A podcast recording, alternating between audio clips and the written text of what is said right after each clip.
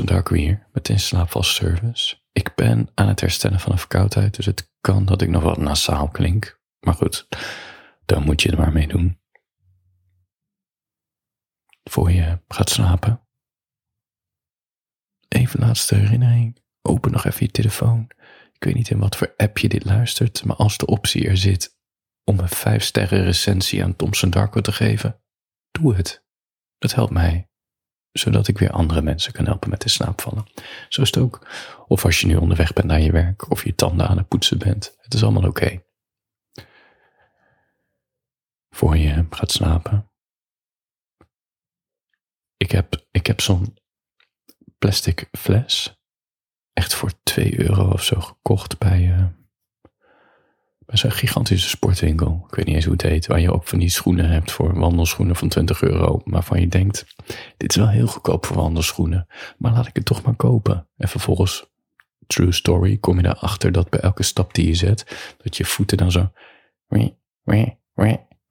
geluiden maakt. Alsof je door een plas met water bent gelopen, weet je wel? Dat, dat, dat slons, ja, plons, slons.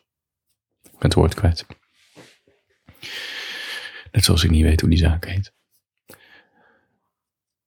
Dat je schoenen dat geluid maakten. Goed, die schoenen heb ik ook heel snel weggegooid. Uiteindelijk hele dure wandelschoenen gekocht. Fantastisch. En jou, ik heb daar, toen ik die goedkope schoenen kocht, ook zo'n plastic waterflesje gekocht voor 1 of 2 euro. 0,8 liter. Met zo'n dop eraan waar je zo je vinger tussen kan doen. Dus dan kun je zo een beetje nonchalant eh, door je eigen huis lopen. Terwijl je je fles zo danst op je vinger. Ik heb er twee van. Dus weet je, elke dag drinken in de vaatwasser en de volgende dag pak je dan weer een, eh, een nieuwe. of om de twee dagen. Of een beetje ruiken met mijn neus. En 0,8 is echt perfect. Want als je een flesje hebt van 0,5, dan is het best wel snel leeg. En flessen van liter of zwaarder, die zijn zo lomp en zo zwaar. En als ik een glas vul, als ik op mijn werkkamertje aan het schrijven ben of aan het lezen ben, zo'n glas ga ik dan op een of andere manier heel zuinig aandoen, waardoor ik eigenlijk te weinig drink. Kortom, ik raak hem niet aan. En die 0,8 fles, ik weet niet, een of andere manier, je kan hem niet missen als je zo kijkt. En het nodigt uit om eruit te drinken. Het punt is, mijn fles is kwijt. En het doet me afvragen, waar gaan verloren objecten toch heen? Ik kan me herinneren dat ik einde van de middag de fles heb bijgevuld en een paar slokken heb genomen. Maar wat ik daarna met die fles heb gedaan, het is echt één grote waas in mijn geheugen. En dat frustreert me. Het frustreert me enorm. Want ik kan hem maar niet loslaten, merk ik.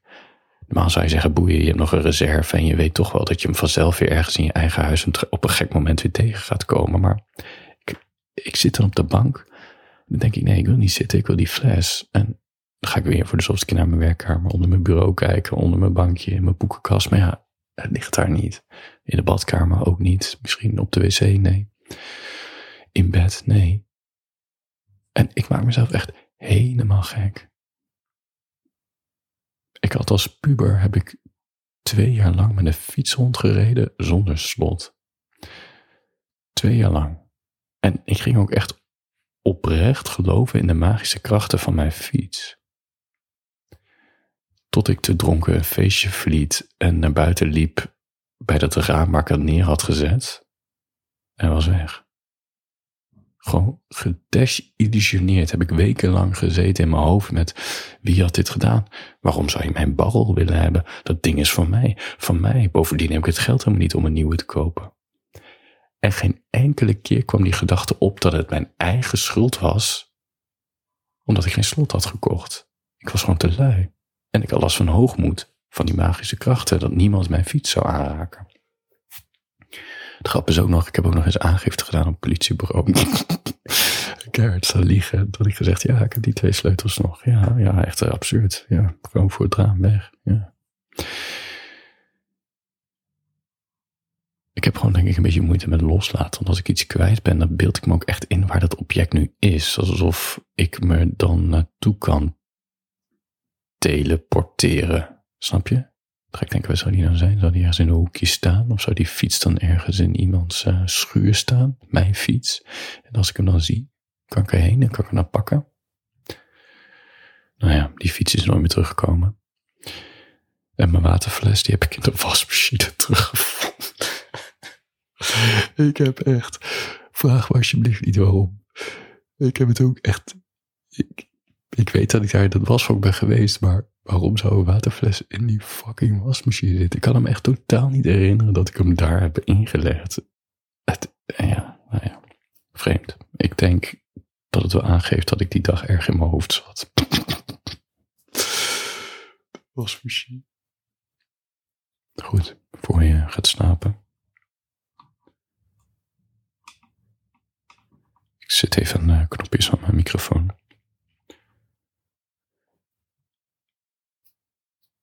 Ik heb vorig jaar in een maand tijd elke dag heel vroeg opstaan, 30 dagen lang, om 200 mini-faaltjes te schrijven. Ik heb er daar ongeveer 80, 60 tot 80 denk ik, ondertussen gepubliceerd via Instagram. Mijn dagelijkse mail, een aantal daarvan heb ik nog herbouwd uh, tot een TikTok bericht. Ik zit ook heel veel van deze faaltjes uh, via deze spraakbericht opnieuw voor te lezen. Het is een beetje dubbel, want die verhalen zijn in één draft geschreven. En ik heb daarna niet heel veel tijd erin gestopt om ze te verbeteren. Dus elke keer als ik nu een faaltje voorlees, het is een soort, ja, het is een soort tweede versie of zo. En dat is oké. Het was ook meer de oefening van kan ik 200 donkere verhaaltjes schrijven. En ik heb gemerkt dat ik de hele donkere verhaaltjes, voor mijn gevoel, dat ik die dat ik mezelf aan het censureren ben om die niet te publiceren op Instagram. Twee redenen. Nou ja, de eerste is dat ik weet dat hele donkere verhalen, dat mensen daar niet op reageren. Dus in de zin van een hartje geven of een comment achterlaten.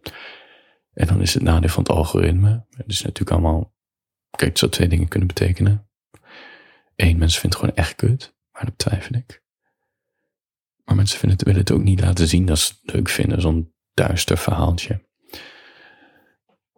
Waardoor het dus ook niet verspreid wordt. Dus er staat zo heel gek zo'n post met tien hartjes. Denk je, ja, is ook wel een beetje treurig. Dat is dus één van die twee redenen. Tweede is, de tweede is dat ik me ook misschien wel een beetje schaam. En ik heb wel eens gelezen, als je als schrijver ergens voor gaat schamen, of een beetje je gênant voelt, dat betekent dat je beet hebt. Want dan is dus blijkbaar een geheim die juist meer mensen willen horen, die verhaaltjes. Maar ja, ik voel natuurlijk niks van niks die schaamte en van het best wel, ja, ik weet het niet. Het is gewoon, uh, gewoon duister, snap je? En daarom ga ik nu een duister verhaaltje voorlezen. Ja, en nu ga ik weer denken dat ik het ga voorlezen van, nou, is het echt duister? Ik ga het gewoon vertellen. Ik, uh, ik heb dit verhaaltje niet willen publiceren. Het is een eerste draft, dus hier heb ik geen tweede versie van gemaakt. Um, het is een heel kort verhaaltje. Het heet We zouden dit niet moeten doen. Ik wou zo graag. Ik was zo dorstig. De gedachte bleef zo lang rondzingen. Zelfs na het nodige middaghandwerk waar ik normaal voor paste omdat het zoveel tijd kostte. Dus toen ik je appte met, ben je oké, wisten we beiden waar dit ging eindigen. Iets wat we al een aantal keer hadden laten stoppen. Iets wat onze groei als mens in de weg zat. Maar ja, een jaar lang elkaar niet gezien hebben, mochten we best wel samen vieren, toch? Dat we onszelf onder controle hadden. Maar toen ik de deur opendeed en jij meteen naar de slaapkamer toeliep, was ik toch teleurgesteld. Dat we deze nacht niet samen gingen doorbrengen. Je kleedde jezelf uit zoals iemand van lichte zeden zich zou uitkleden. Ik meen het, zei je. Erop, erin, eruit, eraf en dan ben ik weer weg. Ik knikte. Ja, tuurlijk, tuurlijk. Ik keek me met grote ogen aan. We zijn toch akkoord dat we een langer samen zijn desastreus. Uh, deze zin niet helemaal. We zijn toch akkoord dat een langer samen zijn desastreus, desastreus is voor onze levens. Ik heb zoveel tijd verspild met jou. Voor je het weet zijn we weer verslaafd aan elkaars lichamen. Brengen we al snapchattend de dagen door. Moet ik weer minstens tien keer komen voor ik in slaap kan gaan vallen, voordat ik in slaap val. Ik knikte weer. Nee, dat, dat, dat moeten we niet willen. Je knoopte je blouse weer omhoog. Ik keek, ik keek je verward aan. Oh, het is maar seks, baby, zei je. Je schoof je broek naar beneden, net onder je billen, terwijl je daar bleef staan bij mijn kast. Dat is het voor mij nooit geweest, zei ik. Je deed je broek weer omhoog. Dan kunnen we het beter niet doen, dit. Je moet jezelf onder controle houden, voor ons beiden, voor onze toekomst. Ik knikte. Ik zuchtte. Wat is? Ik wees naar mijn broek. Ja, ik, sta op ontploffen, zei ik. Ik knikte naar mijn stoel waar mijn kleren op lagen. Ga zitten. Doe je broek open. Ik wil dat je aan jezelf zit. Jij ging op bed zitten, ontknoopte je broek en schoof er een hand in en liet je BH zien. Geen seks, herhaalde je. Maar we wisten beiden dat een nieuwe verslaving was ontstaan met nieuwe regels. Einde.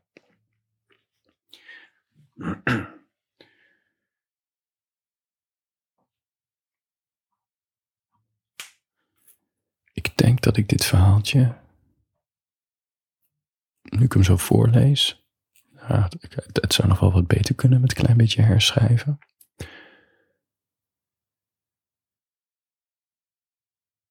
Maar ik denk dat ik hier wel wel iets mee zou kunnen. Misschien in een kort verhaal of zo.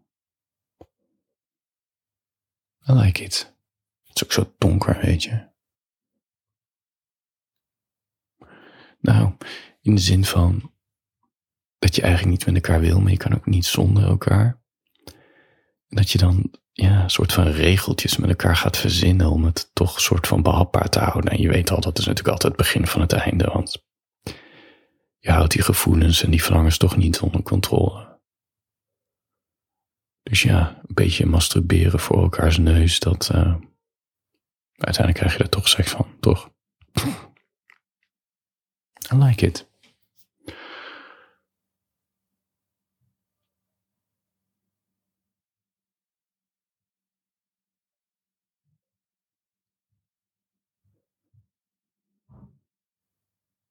Uh, ik zat nog even aan mijn fiets te denken voor je gaat slapen. Dat was echt een mooie fiets. Wel zo'n bouw. Met geen slot. Maar ja, je voelt je een of andere manier toch heel erg.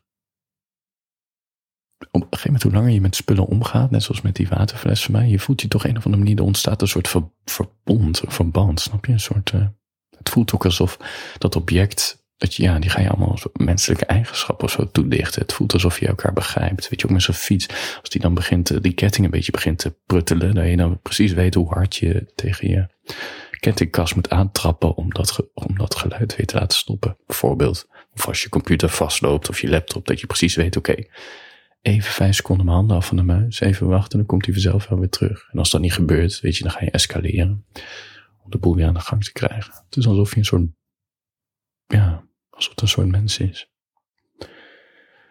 Of ik ben nu echt onzin aan het lullen. Ben ik hier de gek?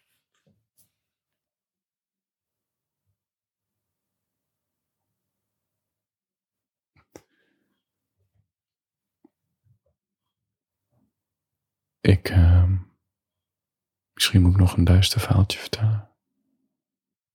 Die ik ook niet durfde te publiceren.